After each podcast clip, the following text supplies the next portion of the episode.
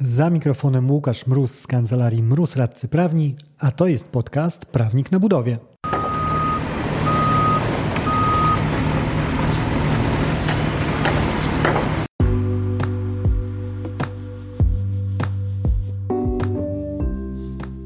Prawnik na budowie, czyli podcast o wszystkim, co związane z budownictwem. Ja nazywam się Łukasz Mróz, jestem radcą prawnym i pomagam firmom budowlanym sprawnie prowadzić projekty. W dzisiejszym odcinku odniosę się do kwestii e, związanej z rozliczeniami w trójkącie inwestor generalny, wykonawca, podwykonawca, a konkretnie do tego, czy inwestor może samodzielnie dokonać potrącenia kar umownych obciążających podwykonawcę z jego wynagrodzenia. Zapraszam do odsłuchania.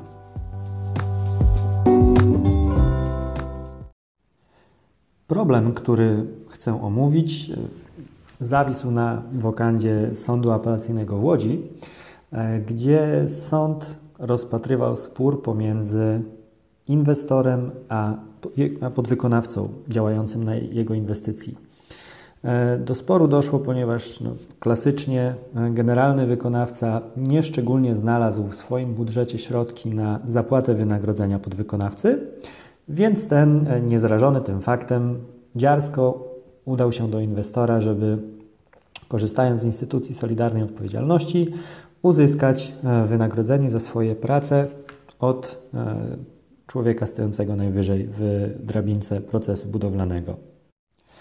Inwestor nie powitał perspektywy płacenia bezpośrednio podwykonawcy z wielkim uśmiechem i szukając możliwości uchylenia się chociaż w, jakim, w jakiejś stopniu e, od e, zapłaty wynagrodzenia, doszedł do wniosku, że widzi podstawy w umowie podwykonawczej do tego, żeby podwykonawca został obciążony karami umownymi.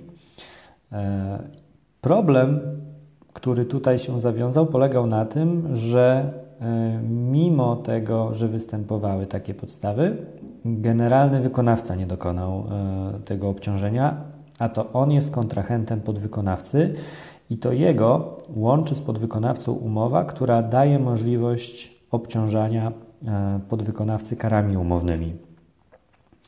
I spór, czy też jeden z, z jego wątków, obracał się wokół tego, e, czy inwestor może wejść w buty generalnego wykonawcy i sam stwierdzić, że ok, zgodnie z umową podwykonawczą widzę, że tutaj były podstawy do naliczenia chociażby e, kar umownych za nieterminowe, nieterminową realizację robót. W związku z tym przyjmuję e, na siebie odpowiedzialność swoją solidarną, biję się w pierś. Rzeczywiście, drogi podwykonawco, możesz sięgnąć do mojego portfela. Niemniej nie po pełną kwotę, której się domagasz, ale po kwotę obniżoną o wartość tych kar, które powinieneś zapłacić. Z perspektywy inwestora no, sytuacja czy potrzeba takiej argumentacji jest dość klarowna. Sprowadza się ona do tego, że no cóż, Wysoki Sądzie, podwykonawca nienależycie wywiązał się z umowy, powinien otrzymać kary umowne jedynie przez niedbałość czy złą wolę bądź dogadanie się, mówiąc wprost, z generalnym wykonawcą tych kar nie otrzymał. Ja natomiast y, miałbym mu płacić całą kwotę, e, ponieważ no, generalnego wykonawcę już to nie zaboli. Z kolei ze strony podwykonawcy no, bronić się przed tym można również y, jednoznacznymi i oczywistymi argumentami, które się nasuwają, czyli cóż, moim kontrahentem y, jest generalny wykonawca. Jeżeli on nie zdecydował się na obciążenie mnie karami, no to cóż, drogi inwestorze, nie jesteś moim rodzicem zastępczym, żeby mówić mi, jak mam żyć. E, każda ze stron tak naprawdę, patrząc na, na kwestię tak czysto słusznościową, ma swoje argumenty, które e, przemawiają na, na korzyść. E, a słuszność słusznością, porozmawiajmy o tym, jak to zostało ocenione prawnie. Żeby nie trzymać Cię w niepewności, powiem od razu, że skończyło się pozytywnie dla podwykonawcy, ponieważ sąd apelacyjny w Łodzi stanął na stanowisku, powtarzając zresztą e, stanowisko, które już zostało wyrażone przez e, Sąd Najwyższy w jego orzecznictwie, e, że umowa łącząca inwestora z generalnym wykonawcą oraz umowa łącząca generalnego wykonawcę z podwykonawcą, są to zupełnie odrębne od siebie stosunki prawne, w związku z tym nie ma tu miejsca na żonglerkę uprawnieniami e, i krosowe wchodzenie w jeden kontrakt przez e, stronę innego. E, w związku z tym inwestor mógłby się bronić przed zapłatą, wskazując, że w części roszczenie o zapłatę E, wynagrodzenia na rzecz podwykonawcy wygasło w wyniku obciążenia go karą przez generalnego wykonawcę i w konsekwencji później też skierowania do niego oświadczenia o, e, o potrąceniu e, kar z wynagrodzenia, co jest takim typowym scenariuszem. Niemniej, jeżeli tego scenariusza zabrakło, no to no niestety inwestor nie będzie scenarzystą, który do tego scenariusza dopisze sobie parę punktów E, doprowadzając, doprowadzając do satysfakcjonującego go e, happy endu. E, sytuacja ta, która wystąpiła w tej sprawie, to wcale nie jest jakiś odosobniony przypadek. Ona będzie dość często do oceny, taki scenariusz może się rozgrywać w momencie, kiedy w nazwie spółki, która wykonywała roboty jako generalny wykonawca, nagle pojawi się dodatkowo e, dopisek w upadłości. Czy też jak e, mówi się w bardziej konserwatywnych rejonach kraju, będzie to już generalny wykonawca świętej pamięci. W takich przypadkach może dojść do sytuacji, gdzie e, generalny wykonawca z jakiegoś względu po prostu w szeregu innych przyjemności związanych z upadłością nie złoży podwykonawcy odpowiedniego oświadczenia o naliczeniu i potrąceniu kar umownych. E, w związku z tym wynagrodzenie podwykonawcy nie spadnie o kwotę kar i e, będzie mógł on z pełną swoją kwotą wynagrodzenia udać się z uśmiechem do inwestora. Wyrok jest istotny zarówno dla podwykonawców, jak i inwestorów, chociaż wydaje mi się, że jeżeli e, któraś ze stron mm, procesu inwestycyjnego miałaby szukać w tym, upatrywać potrzeby rozwinięcia swojego know-how, to byłby to właśnie inwestor.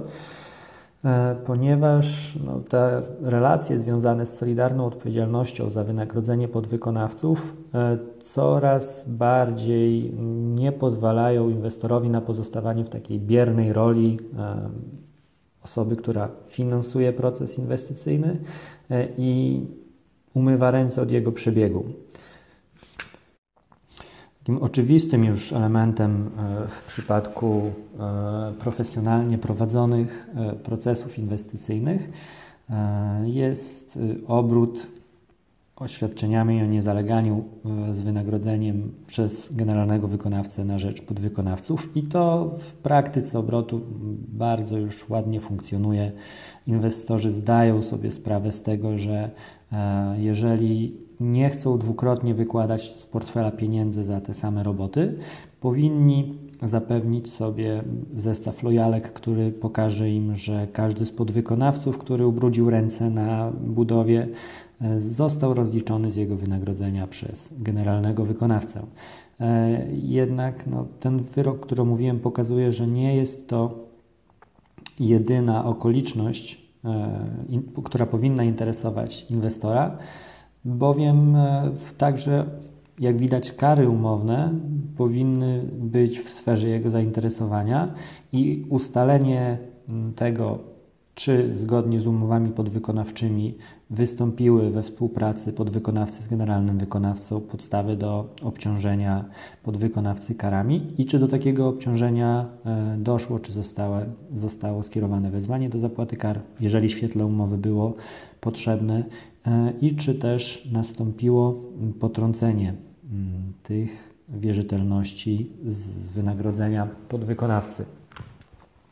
Nie jest to pocieszające e, z perspektywy inwestorów, szczególnie, że no, pamiętajmy, że budownictwo w Polsce to nie tylko e, rynek profesjonalistów, gdzie inwestorzy komercyjni czy też inwestorzy publiczni dysponują know-how oraz kadrą, która zdaje sobie sprawę z obowiązków i czuwa nad prowadzeniem przebiegu budowlane, procesu budowlanego, ale zasady, o których mówię, równie dobrze mogą znaleźć zastosowanie do e, jakiejś tam willi budowanej w Konstancinie Jeziornej, gdzie inwestor e, nagle zdziwi się, że przed jego drzwiami stoi e, wianuszek podwykonawców, którzy oczekują zapłaty ich wynagrodzenia, których, którego nie doczekali się od generalnego wykonawcy. Niemniej, jak widać, tak jak mówiłem, no, myśl tego wyroku nie jest e, jakimś tam ekscesem orzeczniczym, nie jest to coś, co pojawia się po raz pierwszy w orzecznictwie sądowym i spodziewać się należy, że dalej ta e, linia będzie kontynuowana, co przekłada się na e, obowiązek starannego inwestora do uwzględnienia mm, wniosków z niej wynikających w swoim know-how.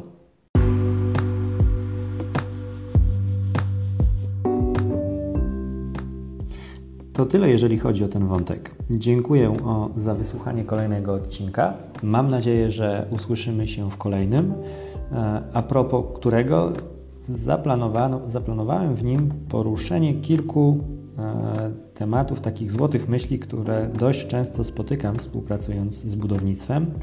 Na warsztat trafią szlagiery takie jak gdyby nie prawnicy, prowadzilibyśmy tą inwestycję bez problemu. E, po podpisaniu umowy można ją schować do szuflady. Ważniejsze jest właściwie ustalenie e, kwoty wynagrodzenia. Klepnijmy ją, a wtedy porozmawiamy o umowie. Czy też e, umowy powinno się pisać tylko na czas wojny. Zapraszam do odsłuchania również tego odcinka, który opublikuję w przyszłym tygodniu. Jeżeli macie Państwo podobne złote myśli, które według Was warto byłoby poruszyć w, w podcaście. Zapraszam do podzielenia się nimi e, przez chociażby media społecznościowe na LinkedIn Łukasz Mróz, e, na Facebooku Prawnik na Budowie, na Twitterze znowu Łukasz Mróz z podkreślnikiem na końcu e, i również znaleźć mnie można też na Instagramie, znowu naprzemiennie jako Prawnik na Budowie. Kontakt mailowy też jak najbardziej jest e, dopuszczalny na adres mroz.kancelariamroz.pl Dziękuję raz jeszcze za odsłuchanie odcinka. Do usłyszenia w kolejnym.